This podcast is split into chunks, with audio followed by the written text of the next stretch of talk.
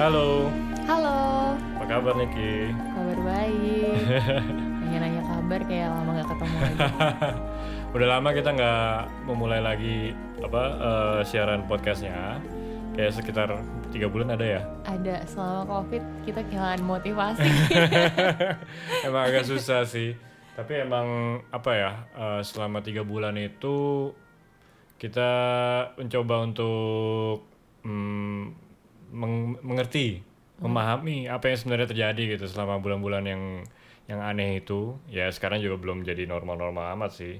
Cuman kan katanya sekarang sebutannya sebagai new normal, di mana kita harus berdamai ya dengan dengan covid ya. yes. Tapi emang kita kan kemarin udah bikin 10 episode loh. Ya berarti ini season 2. Season 2 Ya sekalian aja sekarang kemarin ceritanya ada emang ada break karena udah selesai season pert- pertamanya. Iya. Padahal kita nggak umumin lah, kayak gimana. Nah ki- kita mau ngobrolin nih soal gimana sih sebenarnya cara kita hmm, mungkin ya cuma sharing aja sih eh, caranya Niki sendiri untuk mempertahankan kewarasan gitu dengan ya berusaha untuk bisa tetap produktif selama masa lockdown ini kayak gimana? Apa aja yang selama ini kamu kerjain? Oke. Sebenarnya nggak lockdown lockdown banget juga sih ya. Sebenarnya kan kar kita di Bali. Cuman dan awal-awal juga stres sih. Hmm. ya stres lah kayak diem di rumah terus apalagi kan aku biasanya memang selalu pulang eh pergi pagi pulang udah malam Hmm. di rumah cuma tidur doang terus sekarang kayak setiap hari harus di rumah gitu kan Iya.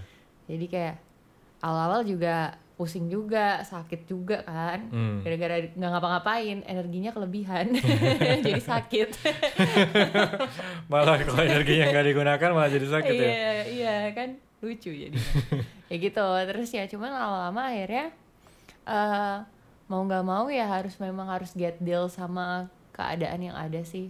Kayak eh apa ya memang kan 2020 ini kan emang niatnya mau fokus di musik dan freelance. Mhm. tapi kan nggak tahu kalau ternyata ada covid kan. Mhm. terus akhirnya planningnya semuanya berantakan ya udah awal-awal dua minggu pertama tuh lebih ke kayak ada di posisi pusing gitu terus mau berusaha untuk menerima itu aja. Meragukan, mulai meragukan keputusan apakah benar atau iya enggak gitu bener. ya. kok kayaknya ada aja halangannya gitu kan. Jadi sebelumnya Niki kerja di sebuah perusahaan multinational company ya ya gitulah dan kemudian di bulan Januari akhir Januari akhir itu kontrak habis terus resign nggak diperpanjang. Emang nggak mau perpanjang karena Iya. pengen bermusik, iya betul Ya. fokus ngajar sama fokus main perform. Heeh. ya Nah. udah Februari Februari rame Maret Oh. masih rame eh Februari masih ada 10 gig kali oh, lebih oke. 10 wedding Jumat gitu Sabtu Minggu, Jumat Sabtu Minggu gitu. iya Sabtu Minggu Sabtu Minggu kadang tuh seremoni dinner gitu kan Hmm. ya masih inilah ma- enak lah Masih wah keputusan yang benar gitu kan. Jadi bisa Maret konsen. langsung postpone semua dan waktu itu berani resign karena ini sih karena sampai akhir 2020 itu udah full book Oke. setiap bulan ada aja gitu Nah, kan jadi yakin satu, gitu ya. dua gitu kan ya satu Hmm. dua bisa lah buat makan ya kan Hmm. Yakin ya udah terus eh ternyata dipospon semua Postpone bahkan semua. ada yang cancel gitu Hmm. karena covid ya udah jadi dua minggu pertama ya seperti mas tahu sendiri Hmm. jadi kayak cuman ya nggak- banyak ngapa-ngapain sih bahkan waktu itu belum mulai ngajar online Oh iya. waktu itu masih kayak ya udah kita cuti dulu deh gitu kan Hmm. jadi masih kayak cuman diem nonton Netflix terus ngapain ya baca nangis kalau lagi bete gitu nggak ya, bisa biar- tidur kan jadi Iya, na- bener juga gitu sih. kan biar capek gitu ya nangis dulu baru tidur Iya sih Kayak emang ada perubahan besar dari rutinitasnya ya. Mm-mm. Yang apalagi sih kalau misalnya eh, menurutku sih sebagai musisi itu dan menurutku nggak cuma berlaku untuk musisi doang ketika kita melakukan pekerjaan kita itu adalah eh, bagian dari identitas dari diri kita sendiri kan. Ketika kita nggak bisa melakukan hal, -hal itu jadi kayak bingung sebenarnya kita ini apa gitu. Iya bener, apalagi kayak abis apalagi aku baru keluar gitu kan, jadi kayak masih di tengah-tengah jalan, Hmm. belum nyampe ke mana-mana, jadi Iya. kayak lost gitu loh. Hmm. Aduh ini kayak gimana ya, aduh akhirnya buka-buka LinkedIn, harus ngelamar kerja lagi lah udahlah gitu Hmm. terus tapi setelah dua minggu uring-uringan itu akhirnya mulai kayak kan banyak kan yang bikin pada bikin podcast aku malah males bikin podcast gitu kan. Terus pada pada macam-macam lah ngerjain ini itu ini itu. Terus setelah dua minggu akhirnya coba untuk bikin podcast lagi. Hmm. bikin pod ngerjain bikin podcast lagi sama teman cuman waktu itu jelek banget ya. Maksudnya kayak sinyalnya tuh kayak Oh karena Kayak, telepon. eh, kayak telepon ya kualitas audio nggak banget lah. Pokoknya dibandingin sama yang biasanya tapi ya udahlah ya gitu. Terus akhirnya mulai coba untuk shifting ngajar online Oke. mulai kontakin tuh dari murid ada berapa ya waktu itu ada 20 kali Hmm. terus kontakin satu-satu Mhm. pada mau online nggak nggak semuanya mau juga tapi ada Oke. yang pada yaudah kita coba coba gitu Mhm. coba nggak berjalan mulus ya banyak banget lah pokoknya lucu-lucuan lah yang ada yang lupa lah les terus ada yang karena muridku banyak yang kecil kan Kecil empat, umur berapa? empat tahun gitu belajar biola online mah ribet ya Mhm. Terus lima tahun gitu kan kayak gitu-gitu terus eh, ya udah.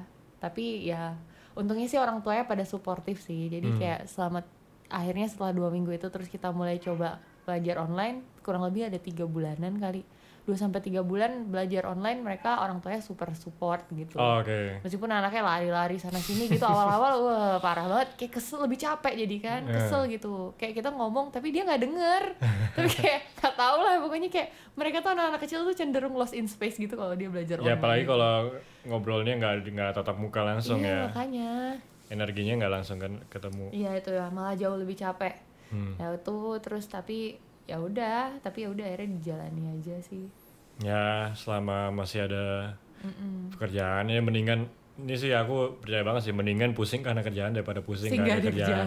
iya. bener bener bener bener ya udah terus habis itu akhirnya mulai ini ngerjain sebelumnya kan emang ngerjain sosmed kan Hmm. nah terus pas kebetulan kemarin itu juga ada Kerjaan sosmed itu apa maksudnya? ngerjain sosmed tuh bikin ini apa namanya sosial media manajemen buat eh, UKM bisnis bisnis gitu Hmm. Jadi ikut ikut bareng teman terus juga ada yang memang beberapa aku freelance sendiri gitu kan sebagai personal gitu bukan lewat agensi kayak gitu Mhm. Nah kebetulan ada yang satu baru masuk kemarin pas eh, covid gitu dan lumayan gede jadi lumayan bikin aku sibuk sih. Oke. Ya mulai dari nulis captionnya terus akhirnya mulai bikin kontennya sekarang udah full handle Oh. sosmednya jadi udah lumayan ada kesibukan gitu. Dan itu kerjaan baru di masuk di waktu Masuk waktu pandemi. eh, eh, waktu covid ada aja gitu ya Hmm. gitu sih. Ya menurutmu ka- kamu kamu bisa dapat pekerjaan itu? Aku saking gak ada kerjaannya jadi ngapain aja aku bikinin story gitu. Oh, oke. Eh kayak ya udah aku kan bukan tipe yang suka bikin story kan. I mean like Ya. ya jarang lah gitu kan. Abis itu kayak kemarin itu terus kayak kebanyakan eh, gabut jadi sering buka Instagram. Jadi Hmm. kayak ngapain aja story, ngapain aja story. Ada eh, ada yang nanya gitu kan. Hmm. Eh, oh ngerjain ini. Iya nih lagi ngerjain caption buat klien gitu kan bla bla bla. Oh bisa handle nggak? Akhirnya meeting-meeting cocok ya udah jadi klien baru gitu. Sampai Kayak gitu sih ya sampai sekarang. Gitu kebanyakan. Nah, berarti kalau kamu lihat dengan dengan era pandemi ini sendiri ada ya pa- yang pasti itu tantangan-tantangannya yang kita bahas tadi kan. Susahnya ini itu dan sebagainya. Tapi di balik itu opportunity yang bangkit yang muncul tuh apa aja sih menurutmu? Kalau menurutku ya, eh sebenarnya kalau menurutku ada beberapa sektor usaha yang memang susah, Hmm. tapi ada juga yang ini yang apa namanya lebih naik justru Mhm. yang online online gitu kan Hmm. semuanya kan pasti semuanya shifting ke online kan kayak Hmm. model-model belajar online gitu platform-platform yang nyediain belajar online itu mereka eh, malah justru naik banyak Hmm. terus yang online conference apa segala macam terus teman-teman di sound system Hmm. itu yang dulunya buat event wedding wedding segala macam atau buat sound system manggung tuh mereka sekarang pada ber apa ya Beralih. istilahnya pivot ke beralih ke ini handle meeting online Oh ya? Iya jadi kayak teman aku tuh ada yang handle misalnya nih kayak si kementerian gitu atau Hmm. misalnya dinas mau meeting. Nah mereka tuh nggak pakai zoom biasa gini jelek kan? Ah. Maksudnya kayak je- jelek terus kayak eh, audionya kurang bagus apa segala macam. Nah untuk good quality meeting itu mereka hire orang untuk pakai live kamera live gitu loh. Oh. pakai kamera live gitu satu ruangan gitu terus jadi iya terus nanti diakses di jadi bareng-bareng gitu pakai sound card segala macam gitu meetingnya. Jadi kualitas audionya bagus kualitas Untuk conference ininya gitu, web untuk conference gitu. konferensi ya Oh, kementerian-kementerian gitu. Jadi kayak jadi temanku kayak kontak mungkin kerjasama kali ya beberapa sama teman-temannya di luar kota gitu apa di mana. Jadi satu spot di mana satu spot di mana satu spot di mana terus mereka Oh, nyamperin bareng, gitu. kayak gitu. Iya nyamperin. Kayak gitu. Wow. mereka pada pindah ke sana sih kayak Iya. gitu ada yang kayak gitu terus Wah, ini aku baru denger sih tentang ini. ya itu terus kayak kesehatan tuh pada jualan masker terus entah kenapa semuanya jualan makanan Oh iya iya. Sekarang di jalan-jalan di mana pun eh, yang jualan makanan jauh lebih banyak sih. Iya. Kayak dua kali lipat, tiga kali lipat lebih banyak, lebih rame. kayak gitu Nah, berarti buat kamu sendiri ngelihat ngelihat kesempatan-kesempatan ini apa aja sih yang yang kamu harus apa ya kejar atau harus harus nambel dari diri sendiri supaya bisa ngisi kekurangan-kekurangan yang dibutuhkan oleh orang itu.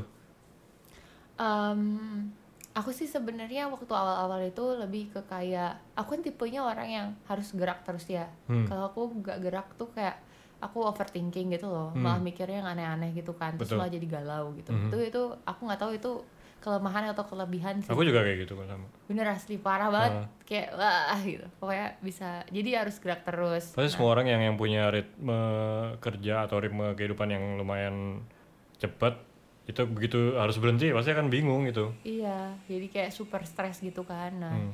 ya udah terus eh, kalau dari aku sendiri sih awal-awal tuh aku mikir kayak, oh aku nggak bisa nih gini terus, aku harus ini harus itu harus ini itu. Akhirnya aku apa ya kepenuhan gitu overwhelm gitu. Hmm. Harus ngerjain ini harus ini ngerjain ini harus ini. Banyak kan di sosial media tuh, eh kita harus cepetan shifting apa segala macem beralih Hmm. atau mati gitu Ah, lah, iya, pokoknya iya, kayak kayak iya. gitu kan. Terus kayak akhirnya aku justru malah stres sih. Nah, Nah terus akhirnya eh, aku mulai kayak ada di tahap oh menyadari bahwa ya ini emang dan dibantuin kamu juga sih ya dengan beberapa pertengkaran-pertengkaran itu akhirnya jadi menyadari bahwa bahwa? Ya, menyadari bahwa kalau ya ini kondisinya emang lagi kayak gini kita harus terima justru harus lihat opportunity-nya apa gitu yang masih bisa dikerjain ya disyukuri aja gitu loh. Hmm. karena aku masih tetap matok standar yang lumayan tinggi waktu itu sama diriku sendiri. Misalnya? Misalnya kayak aku non covid gitu hmm, itu penghasilannya sekian. Hmm, pas covid tuh harus sekian juga gitu, kayak gitu. jadi kayak wah gimana nih? Gitu kan kayak pusing kan. Pasti mau nggak mau harus ada pasti ada penurunan. Hmm. Tapi ya meskipun di awal-awal ya di awal-awal kan ya ada dampak pasti ada dampaknya gitu kan entah itu naik atau turun tapi ya aku bener-bener yang kayak nge-push push myself too hard gitu loh sampai akhirnya aku agak lumayan stres gitu nah terus akhirnya setelah aku bisa menerima diriku sendiri baru deh aku bisa lihat oh ya udah nggak apa-apa nih ya udah kita mulai aja dulu Hmm. ngerjain aku mulai ngerjain yang kecil-kecil dulu aja kayak oh aku masih bisa handle sosmed dari rumah ya Hmm. udah itu aku kerjain Mhm. aku improve di situ kan Hmm. maksudnya kayak kalau dulu aku misalnya ngerjainnya cuma dengan 80% kekuatan gitu misalnya. Sekarang 85 90% gitu. Jadi maksudku kayak gimana ya? Kayak dulu kenapa selalu ya 100% ya misalnya gitu. Misal itu kan misalnya. Kalau dulu dulu kan misalnya gini loh. Kayak dulu kan aku misalnya kayak dulu aku ngerjain sosmed tapi kan aku ngajar musik juga atau apa. Energiku tuh lebih banyak ke ngajar Oke. lebih banyak ke segala macam kayak gitu gitu kan manggung kayak gitu gitu nah sekarang karena nggak ada manggung kan aku punya sisa energi yang lebih banyak nih jadi aku kayak oh ya udah aku apa namanya eh, hal-hal yang dulu nggak sempet aku lakukan ketika aku eh, handle klienku Mhm. waktu kayak keadaan normal aku sempet lakuin misalnya aku bisa riset yang lebih dalam lagi gitu misalnya riset hashtag yang gimana Hmm. habis itu riset oh ada algoritma baru apa nih di Instagram kayak gitu Oke. Apa segala macam aku bisa optimalin yang di situ. Berarti ambil ambil kelas online juga tentang gimana ambil aku ambil kelas online bahkan so- sampai sosial media marketing itu ya? Betul sampai kayak gitu. Hmm. kalau ini dulu nggak sempet gitu kan. Ada hikmahnya juga sebenarnya. Dulu ada minatnya tapi nggak ada nggak ada nggak ada waktunya, waktunya ya. terus akhirnya ya udah akhirnya aku ambil di situ. Terus sekarang aku lagi ngembangin kayak mo- model kayak agensi gitu juga sama teman Mhm. karena udah mulai banyak yang nanya kan. Iya. ternyata seiring berjalannya waktu dalam tiga bulan ini oh ada yang nanya gimana bikin ini? Ada yang bikin video animasi bahkan sama aku gitu. Iya tuh. Itu itu kocak banget sih sampai akhirnya aku ngerekam voice overnya sendiri itu gitu di rumah.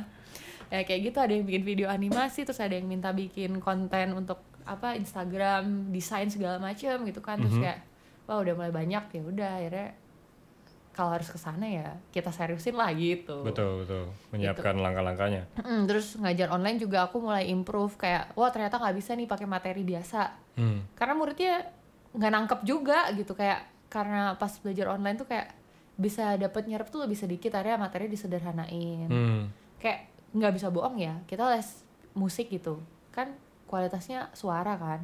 Apalagi aku al- alat musiknya alat musik gesek di Hmm. di bahkan orang kalau belajar piano aja tuh pencetannya kan beda-beda kan colornya Hmm. maksudnya neken dikit sama neken Iya, neken ngerti lebih pelan, lebih- lebih lebih pelan kenceng. lebih keras gitu kan apalagi alat gesek gitu tekniknya Hmm. banyak banget gitu akhirnya oh kalau yang kalau misalnya aku nggak bisa nilai tone-nya ya udah aku ngambil harus dari sisi apanya dulu nih sementara sebelum bisa ketemu gitu kan Hmm. oh ya udah pitchnya masih bisa lah kedengeran lah gitu di online itu kan pakai zoom atau google meet tapi kalau tone udah nggak kedengeran sih kalau menurutku ya. Iya. hampir nggak kedengeran bahkan. Karena dia cuma ngandelin dari mikrofon HP, HP, doang. doang. iya makanya yang kayak gitu gitu kan. Nah itu akhirnya diimprove gimana caranya mikirin apalagi anak-anak kecil biar mau tetap belajar gitu kan. Terus mikirin itu. Terus gimana biar orang tuanya nggak stres nungguin anaknya les. Karena orang tuanya lebih galak loh daripada beneran kayak kenapa sih kamu salah? Kayak gitu-gitu. Kayak dia yang geremetan gitu anaknya salah. Karena aku udah sering kayak yang udah sering ngadepin itu kan sementara orang tua kan nggak ngadepin itu taunya anaknya Iya. udah bisa aja gitu Iya, iya benar. kayak "Oh, apaan nih gitu Apalagi mesti nge, apa nemenin mereka apa sekolah online juga kan? iya Sekarang sekolah sekolahnya semuanya online. Belajarnya online. Jadi lebih stres aja gitu tiap hari ngadepin anaknya mesti gini, mesti gini. Iya, itu sih. Apa sebagai guru jadi ada ada tanggung jawab lebih selain uh, kesempatan lebih ya untuk untuk untuk bisa berguna di di masa sekarang ini yaitu untuk gimana caranya supaya kita tetap bisa meringankan tugas orang tua murid gitu kan. Mm-mm, bener-bener yang kayak gitu jadi yang aku lakukan adalah mengimprove yang bisa aja aku lakukan Hmm. jadi kayak supaya aku tetap waras juga nggak Mhm. terlalu jadi aku kayak udah ah ya udahlah apa pun hasilnya yang penting aku doing my best aja gitu Hmm. mau penghasilannya berapa juga yang penting ada makanan buat dimakan besok gitu Hmm. ya udah cukup lah gitu yang aku Bener-bener. pikirin untuk di awal ini karena waktu awal-awal itu stres loh maksudnya bener-bener stres kalau misalnya kita bener-bener matok oh harus tetap kayak gini harus tetap kayak gini harus ini Hmm. ini ini ya pusing lah gitu kan Emang kalau dibandingin dengan waktu era sebelum pandemi berkurang berapa persen? Wah. Jadi berapa persen ya? Jadi tuh waktu masih kerja atau belum kerja nih? Eh, ya waktu masih kerja lah. waktu aku masih kerja. Kalau dari orang. bandingannya waktu aku masih kerja sama jadi gini, aku resign itu karena eh, duit aku dari main musik, penghasilan Mhm. dari main musik itu sudah sama dengan gaji Dari kantor. dari kantor, bahkan lebih besar. Oke. Aku keluar dari kantor otomatis lo eh, asumsinya adalah waktu itu kalau aku punya penghasilan X Heeh. ketika keluar dari kantor penghasilannya akan setengah X Iya. karena kan sama kan mereka kan Iya. ya kan berarti 50% dropnya Heeh. nah begitu covid nah si list 50% ini kan nggak ada manggung sama sekali nggak Heeh. ada ngajar sama sekali waktu awal-awal kan Heeh. dan ya itu berapa persen ya berapa persen hampir nggak ada hampir sih am- ya 10% kali ya 10% jadi dari X I mean like atau 10%, dari setengahnya dari X. setengah eh enggak 5% berarti. eh enggak 10% dari X jadi Oh, kayak. 100 terus akhirnya tuh jadi 50, 50. waktu aku resign Heeh. but it's okay lah itu udah oke oke banget gitu Masih buat bisa buat hidup iya kan Yang penting bisa happy gitu menjalani hidup yang happy. diinginkan gitu. iya kan. gitu itu masih cukup gitu kan habis itu eh jadi kayak cuman 10 jadi tinggal 10 kayak gitu Eh, 10 persennya doang. 10% dari penghasilan awal waktu itu kan dan even Hmm. les online pun itu aku ngurangin kos Ya. Karena aku tahu quality yang didapat sama murid itu berkurang Mhm.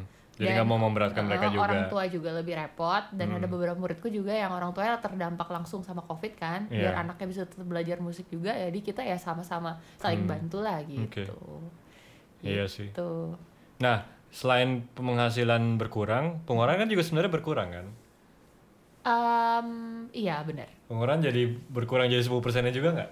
Enggak kalau aku enggak karena emang aku habitnya nggak suka nongkrong Oke. jadi yang berkurang tuh paling bensin tapi bensin tuh disubsidi ke kuota sampai akhirnya pasang internet gara-gara covid ini Iya, pasang iya, iya. internet itu kan internet apa namanya uh, provider internet dulu kan cuma pakai HP doang gitu Hmm, kan kayak catering. gitu berkurangnya di mana ya ya berkurangnya sih di budget-budget hura-hura itu sih Hmm. sebenarnya yang paling banyak tapi nambah juga jadi di budget ini. Kalau aku nggak terlalu beda sih Yas. Hmm. pengeluarannya. Pengeluaran tuh paling nggak ada budget nonton nggak ada budget makan di luar Mhm. nggak ada udah. Sisanya sama semua. Sama nggak ada bensin tapi kuota nambah. Habis itu Hmm. beli vitamin. Ya jadi ya sama aja sih sebenarnya gitu cuman aku jadinya karena Tapi emang dari dulu eh, masak di rumah. masak di rumah Hmm. ngajar-ngajar pun aku bawa bekal Oke. ya paling cuman buat jalan-jalan sama pacar doang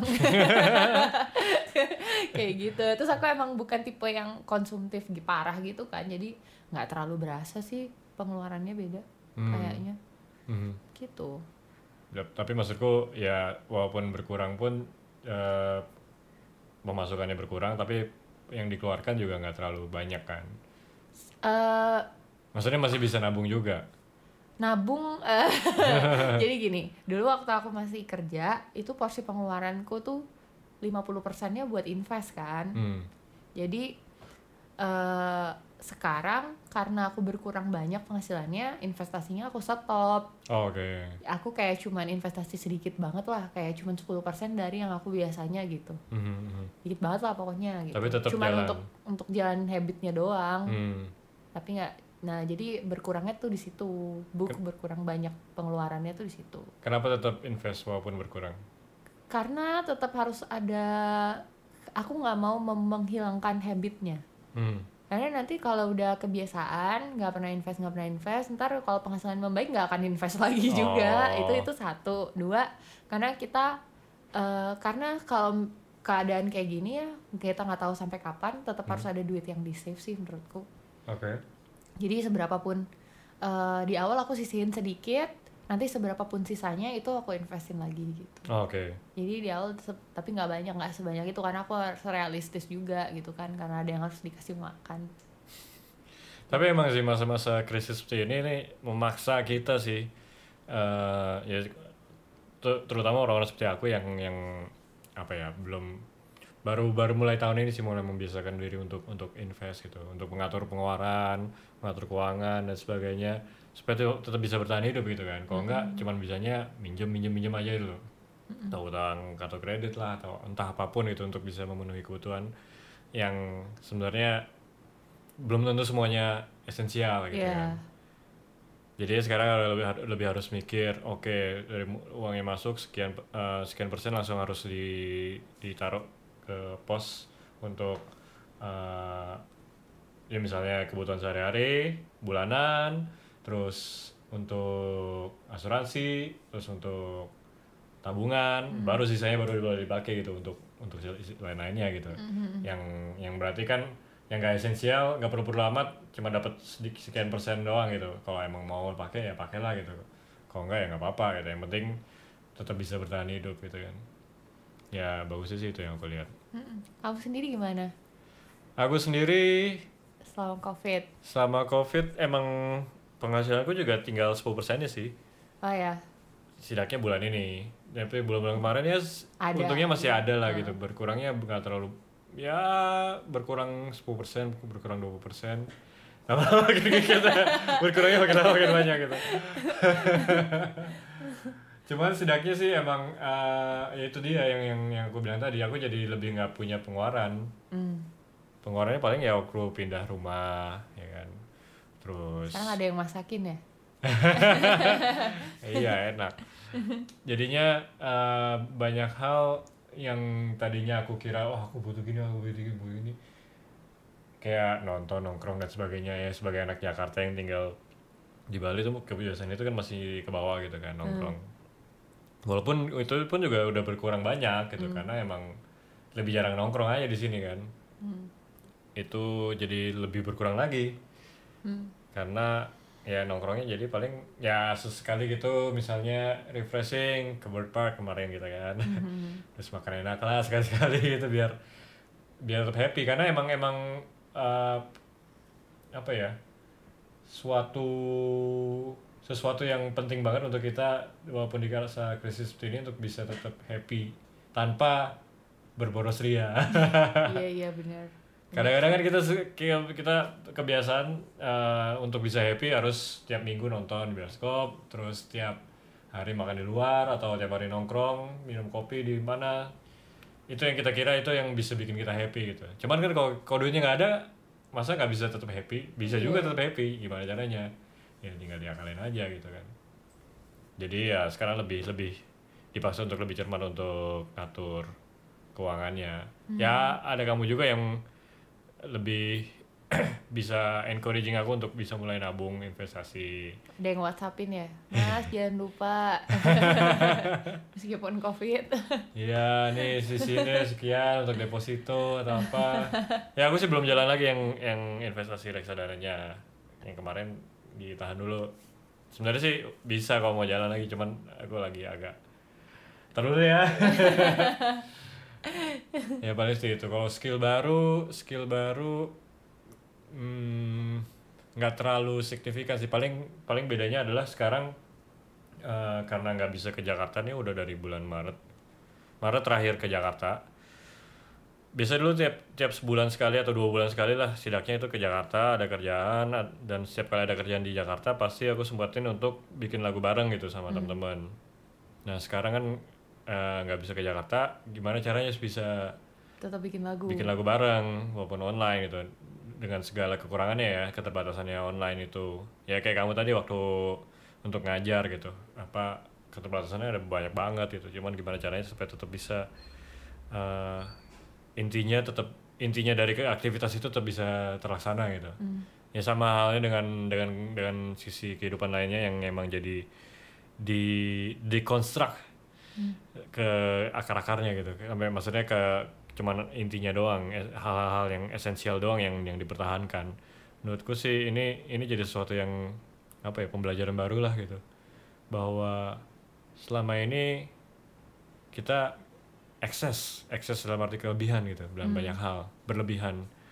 Sekarang ya jadi harus mempertimbangkan ulang semuanya itu kehidupan kita. Apa ya aja hal-hal yang penting buat kita. Kembali ke bumi ya Iya, apa sih yang penting itu? Keluarga, eh, sahabat, eh, musik kalau buat aku, buat kamu juga, ya itu hal-hal yang bikin kita happy untuk jalani hidup, ya itu yang gimana caranya supaya hal-hal itu bisa tetap dilindungi gitu kan, ya tetap teleponan, ya maupun aku jauh dari papa, dari koko, itu ponakanku, ya gimana caranya supaya tetap ada komunikasi walaupun mungkin memang belum belum sampai yang seminggu sekali aku teleponan video call gitu.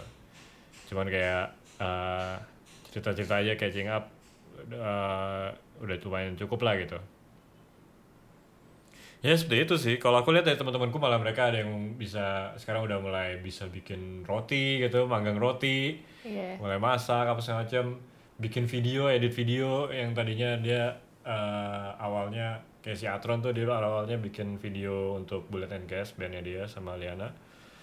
Eh dia nge-hire videographer tapi dia sendiri yang ngedit videonya. Dari situ dia mulai ngedit ngedit sendiri karena ya biar nggak kebanyakan keluar duit kan.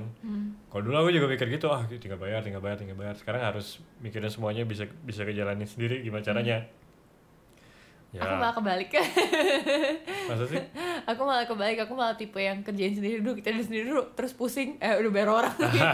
Sebetulnya kayak gitu jadi udah tahu gitu langkah-langkahnya kan. Ya aku sih pernah sih apa berusaha untuk bikin ya desain sendiri. Cuman emang bukan bakatku sih itu gitu. Cuman eh, maksudku banyak sekali yang mulai meningkatkan skill di bidang-bidang lainnya gitu kalau aku ya cuman ngerti di bidang musik doang sih sebenarnya. Ya skill lainnya itu mungkin bukan skill sih knowledge lah gitu. Knowledge untuk ya misalnya ngatur keuangan tadi untuk mulai nabung. Setidaknya itu. Ya dan sekarang ya sekarang aku dengan banyak di rumah ya ngulik aja di untuk bikin musik yang lebih lebih oke lagi lebih lebih beda gitu. Karena emang aku rasa kerasa sih ketika jadi aku sama Niki bikin eh, lagi mempersiapkan sebuah album ini. Isinya 4 sampai 6 lagu. Dan di situ aku mulai bikin musik yang beda dari yang aku bikin sebelumnya. Hmm. ya karena itu dia tadi ada informasi-informasi masuk terus ada dorongan untuk bikin musik yang berbeda. Ya. jadi ya ngaruh gitu. Tapi aku thanks to covid ini aku jadi latihan terus. Nah, itu juga aku notice itu. Iya sih bener sih parah. Karena waktu awal-awal kan aku nggak main sama sekali kan dua minggu pertama diem biolanya nganggur aja, Hmm. nggak dipakai. Terus habis itu gara-gara rekaman-rekaman itu kan mulai pada bikin kan waktu awal tuh banyak temen musisi yang bikin itu loh kolaborasi dari rumah Iya. apa segala macam terus aku diajakin terus aku kayak ya ampun buset jelek banget ya mainnya ternyata gitu kan setelah recording karena selama ini kan main live nggak segitu detailnya kan Iya. Terus pas setelah recording recording even cuman buat cover cover doang astaga ini kok jelek amat ya gitu kan kayak akhirnya udahlah udah kita sikat setiap hari gitu kan Hmm. tapi emang berasa banget sih jauh banget bedanya maksudnya aku nggak tahu ya hasilnya lebih bagus atau enggak tapi aku sih jujur cukup puas dengan hasil rekaman akhir-akhir ini Hmm. dan aku ngerasa mainnya lebih ringan aja gitu Hmm. nggak nggak yang mikir habis nih ke mana habis nih ke mana terus kayak mau mau buat eh, tone kayak gini harus mikir gitu. Sekarang udah natural gitu aja. Setelah Hmm. setiap hari itu dan tetap terbukti sih memang latihan setiap hari itu beda banget. Langsung improve sih. Aku notice banget sih dari Gitu. permainan biola kamu lebih eh, tone-nya lebih benar terus tone-nya terutama tone-nya lebih lebih enak gitu didengerin. Lebih smooth lebih nggak nggak terlalu tajam. Terus bisa lebih open lah gitu intinya. Eh, gimana tuh mau diskusikan bunyi tone yang Eh, terbuka pokoknya nanti dengerin aja lah itu. Iya dikit Gitu lah, pokoknya enak enak sih enak. Itu sih ininya. Hmm. gitu. Oh sama ini sih olahraga. Ya setidaknya waktu itu aku sempet yang emang eh setidaknya dua hari sekali aku olahraga gitu. Ya emang sih waktu berpindah ke sini masih ah males at least olahraga. tapi lari lah ya seminggu dua kali. Nah itu udah mulai dilakukan lari pagi. karena klien karena klien aku kan aku rajin lari gara-gara handle sosmed tentang lari iya apa jadi lari terus itu apa ya namanya ya? Apa eh, Apa? entitasnya? Bukan nama mereknya. virtual run Oh iya ya, virtual run company. Iya. Niki nanganin apa eh, materi sosmednya ya? ya sosmednya kreatifnya untuk virtual run company jadi kita Hmm. bisa lari di mana aja terus submit ikut race dapat medali gitu Lumayan udah dapat satu medali. iya lumayan dah Aku mulai ikut satu race kemarin. Ya masih cuman 2,3 kilo doang. Itu aja karena jalan ke tempat ke Larinya. kompleks sebelah untuk lari di sana lebih enak. Jalannya aja udah satu kilo satu kilo. tapi kita tiga kilo loh kemarin Iya berarti kan larinya sekilo, kilo jalannya, jalannya 2 kilo. iya gitu. Lumayan juga, nggak kerasa gitu. itu prestasi loh buat Andreas Arianto. Mungkin buat pelari itu apaan sih? Cupu banget 3 kilo Iya, not doang even gitu. 5 kilometers ya. tapi untuk seorang Andreas Arianto itu sangat prestasi loh Tapi untuk sih- bikin dia pakai sepatu aja susah. Ya bisa lah kan. Siapa setiap kali dulu juga setiap kali keluar rumah pakai sepatu yang sama. Oh iya. Tapi bukan untuk buat lari. bisa buat casual juga tapi itu menurutku juga penting sih sama pentingnya eh, yaitu untuk celebrate our little victories Hmm. merayakan kemenangan-kemenangan kecil kita akan akan eh, kemenangan kecil itu maksudnya gini menurutku sih ketika kita bisa berbuat sesuatu yang lebih baik daripada kita yang sebelumnya Hmm.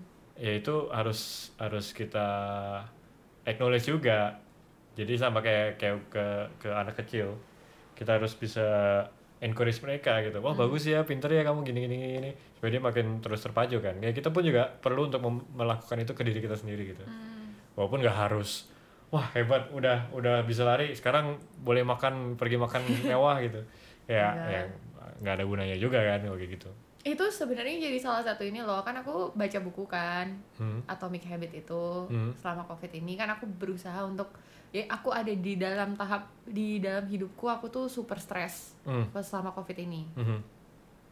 mungkin kita bahas di episode yang lain kali ya itu ya Oke. tapi pokoknya eh, ah, titik terendahnya itu bisa dibilang titik ketahananku terhadap masalah itu paling diuji itu di covid ini oke sebelum sebelumnya punya masalah hidup apa ya udah gitu stres biasa habis itu ya udah stres biasa habis itu ya udah Hmm. tapi di covid ini benar-benar yang parah banget jadi kayak eh, aku berusaha untuk satu itu menerima diriku dengan menerima bahwa kalau pasti akan ada dampak secara ekonomi dan kegiatan dan pekerjaan terus yang kedua ya udah aku kayak kalau mau nonton Netflix ya nggak apa-apa gitu kalau nggak harus produktif amat juga ya nggak apa-apa kayak gitu Hmm. kan itu susah buat aku gitu loh Hmm. karena aku kalau nyantai overthinking Hmm. kayak gitu kan terus yang ketiga itu aku mulai eh, mengalihkan apa ya mengalihkan ke overthinkingan aku itu Hmm.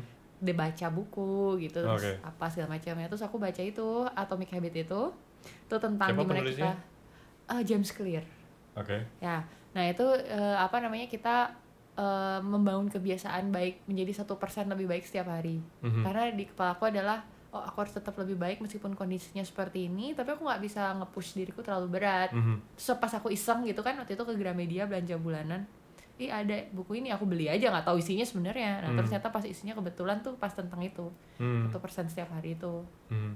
nah dia bilang itu dia tadi salah satunya adalah supaya kita bisa tetap stick in to the kebiasaan baik itu adalah yaitu eh, apa namanya menjadikannya mudah menjadikannya mudah terlihat dan menjadikannya eh, apa namanya menyenangkan Menjadikannya mudah, menjadikannya terlihat. yes terlihat kayak contoh kamu kan suka makan indomie kan Hmm. ini berlaku untuk sebaliknya ya untuk Hmm. menghilangkan kebiasaan buruk berarti kita menjadikannya sulit dan menjadikannya tidak terlihat Oke. contoh kamu suka makan indomie kan Hmm. tapi semenjak kita pindah rumah itu indomie nggak ditaruh di atas kulkas Oh. ditaruh di bawah intensitas Ya, makan ya. indomie berkurang kan Iya benar-benar. ya kan bener nggak akhirnya Oke. kita belanja bulanan berikutnya kita nggak beli indomie lagi karena indomie masih dikit. banyak Iya. Eh, benar juga, ya berhasil. kan nah, itu benar itu terbukti aku udah membuktikan Satu lagi apa tadi tipsnya? Menj- eh, ada banyak sih sebenarnya prinsipnya cuman yang intinya itu itu menjadikannya mudah terlihat terus menjadikannya menyenangkan yang satunya Menyenangkan. lagi kita harus bisa mengapresiasi diri kita ngasih Oh, Oke. yang tadi kamu bilang itu kita oke. kayak harus me ya Reward. gitu me-reward ourselves tapi nggak harus yang eh, gimana banget gitu Hmm. kayak misalkan jadi itu ibaratnya kita mengaitkan satu kebiasaan dengan satu kebiasaan lainnya misalnya Ah. kayak oh setelah aku melakukan A aku boleh nonton Netflix gitu Hmm. misalnya oh setelah aku melakukan ini aku boleh melakukan ini gitu Hmm. tapi sebisa mungkin rewardnya tidak kontradiktif Ya. sama kebiasaannya Sama usahanya itu. Heeh. jangan lagi eh, mengurangi gula gitu oh Ah. aku olahraga terus habis itu boleh makan cake ya itu ya sama, Sama aja bohong, ya. gitu Oke. Ya Gitu tips-tips sih. kayak gini sih bagus banget sih. kayak gitu Ya, menurutku sih eh, lumayan apa namanya em, mencerahkan lah gitu obrolan ini dan ya kalau kita belum melalui masa jeda selama beberapa bulan kita nggak bikin podcast itu nggak mungkin bisa bisa bikin obrolan yang seperti ini sih bisa ngobrol yang sampai ya karena kita kita butuh jarak kadang-kadang untuk bisa melihat sesuatu lebih objektif gitu. Ketika kita ada di dalamnya kita kurang bisa objektif gitu. Dan sekarang setelah bisa lihat diri kita di masa waktu awal-awal pandemi dan di masa sekarang dan ternyata kita masih bisa bertahan dan ya syukur-syukur bisa bisa membangun beberapa kebiasaan baru yang positif ya semoga kita bisa melihat diri kita di masa depan dengan kacamata yang lebih positif lagi gitu. Meng- mengusahakan untuk menjadi diri sendiri yang semakin baik. Kayak gitu. Ya udah nanti kita obrolin lagi eh, untuk episode selanjut selanjutnya. Itu tentang ya tentang sisi buruknya lah sisi sisi gelap yang harus kita hadapi gitu apa aja gitu. Ini kan kita lihat dulu dari positifnya apa. Iya bener Ya positifnya kita bisa kumpul sama keluarga hmm. Eh tapi ada juga sih beberapa teman-teman yang justru malah teman-temanku yang kerja Kayak di Jakarta nggak bisa pulang, Hmm. nggak bisa ke mana-mana Kemarin lebaran pada sendirian Hmm. Terus aku kayak Yang penting sih menurutku selama masa-masa ini Ini kan semua orang susah ya Hmm. Maksudnya banyak orang mengalami eh, situasi yang tidak normal gitu kan Hmm. Maksudnya beda gitu kan Nah alangkah baiknya adalah selain kita memikirkan diri kita sendiri kita sebisa mungkin gimana tetap baik gitu sama orang lain gitu Hmm. kayak gitu-gitu sih Hmm. kayak emang beberapa orang terdampak penghasilannya berkurang tapi kalau misalnya kita masih bisa berbagi sama orang lain yang lebih nggak ada Hmm. lebih nggak punya gitu atau Hmm. lebih terdampak lagi ya it's bukan sesuatu lebih yang buruk iya ma- Malah malah, lebih bagus kayak ya hal-hal kecil kayak kemarin eh, kan banyak yang campaign beliin makan buat abang ojol Hmm. pesen dua kayak Hmm. gitu-gitu terus ya banyak hal yang bisa dilakukan atau sekedar telepon keluarga kalau misalnya jauh Hmm. terus juga kayak kemarin teman-temanku lebaran kan pada sendirian Mhm. aku kirimin ini pizza atau apa iya aku pada kirimin pizza gitu sih sepele aja gitu tapi Iya. bisa nunjukin kalau kita "Hmm, selamat lebaran nih mereka. gitu. Nggak pulang ya gitu. Aku kirimin pizza ya bagi alamat kos gitu doang. Yang kayak kayak gitu sih. Karena Hmm. banyak temenku juga yang eh support aku sih. Maksudnya di masa-masa kayak gini kita jadi kumpul bikin seminar bareng tiap minggu. Bukan seminar juga sih sebenarnya kayak session. sharing session gitu siapa siapa terus kayak ya teman-temanku kayak ada beberapa yang ya nih kalau aku bisa bantuin just let me know gitu. Hmm. kayak ya itu berharga sih buat aku maksudnya ya gitu lah jadi don't forget to be kind Jadi nggak cuma untuk mikirin gimana bertahan di untuk diri sendiri bisa ber- bertahan tapi juga gimana bisa tetap Iya. memberi ke orang lain. aku bisa ngomong gini gara-gara dulu awal aku tuh mikir kayak gitu loh I have to save a lot of money Mhm. karena kita nggak tahu nih sampai kapan terus aku jadi pelit Hmm. terus entah kenapa nggak datang rezeki dari mana-mana gitu. kayak terus aku mikir kayak terus akhirnya aku mulai kayak ngebuka pikiran kalau ini tuh bukan aku doang yang susah gitu kan. Maksudnya kayak ba- banyak lebih orang lebih susah daripada aku. Ya aku syukur-syukur masih bisa tidur nyaman pakai spring bed pakai AC gitu kan kalau mau nyala nyalain gitu kan. Terus masih ya masih bisa ngajar online gitu. Maksudnya nggak yang bener-bener nggak sama sekali nggak dapet income gitu enggak gitu kan. Hmm. jadi kayak baru deh aku mulai kayak eh juga nggak ada yang tahu besok aku masih hidup atau enggak gitu kan ya kita prepare tapi jangan sampai jadi pelit dan Hmm. jadi ini juga gitu benar. karena kadang kritis itu menguji kita untuk jadi dua hal loh jadi jahat atau jadi Ya, itu dia. jadi baik Ya gitu kan. pilihlah sebisa mungkin kita harus menyadari apa yang kita pilih gitu dan selalu usahakan untuk pilih menjadi orang yang lebih baik lah gitu. Buat nggak cuma buat diri sendiri ya, tapi buat lingkungan juga. Tuh. Menurutku sih karena emang dengan lingkungan yang makin baik, ya itu akan bisa saling support satu satu sama lainnya di anggota lingkungan itu. Lingkungan dalam arti nggak cuma lingkungan di di rumah kita doang ya di tetangga apa segala macam, tapi juga maksudnya lingkungan pergaulan, lingkungan keluarga dan sebagainya. Dengan kita makin erat saling tolong satu sama lain, ya kita akan makin menambah kemungkinan eh, semua orang di dalam lingkungan pergaulan kita untuk bisa bertahan gitu menghadapi masa sulit ini. oke Oke, thanks for listening. Keep growing. See you in the next episode ya. Yeay. Bye. See you.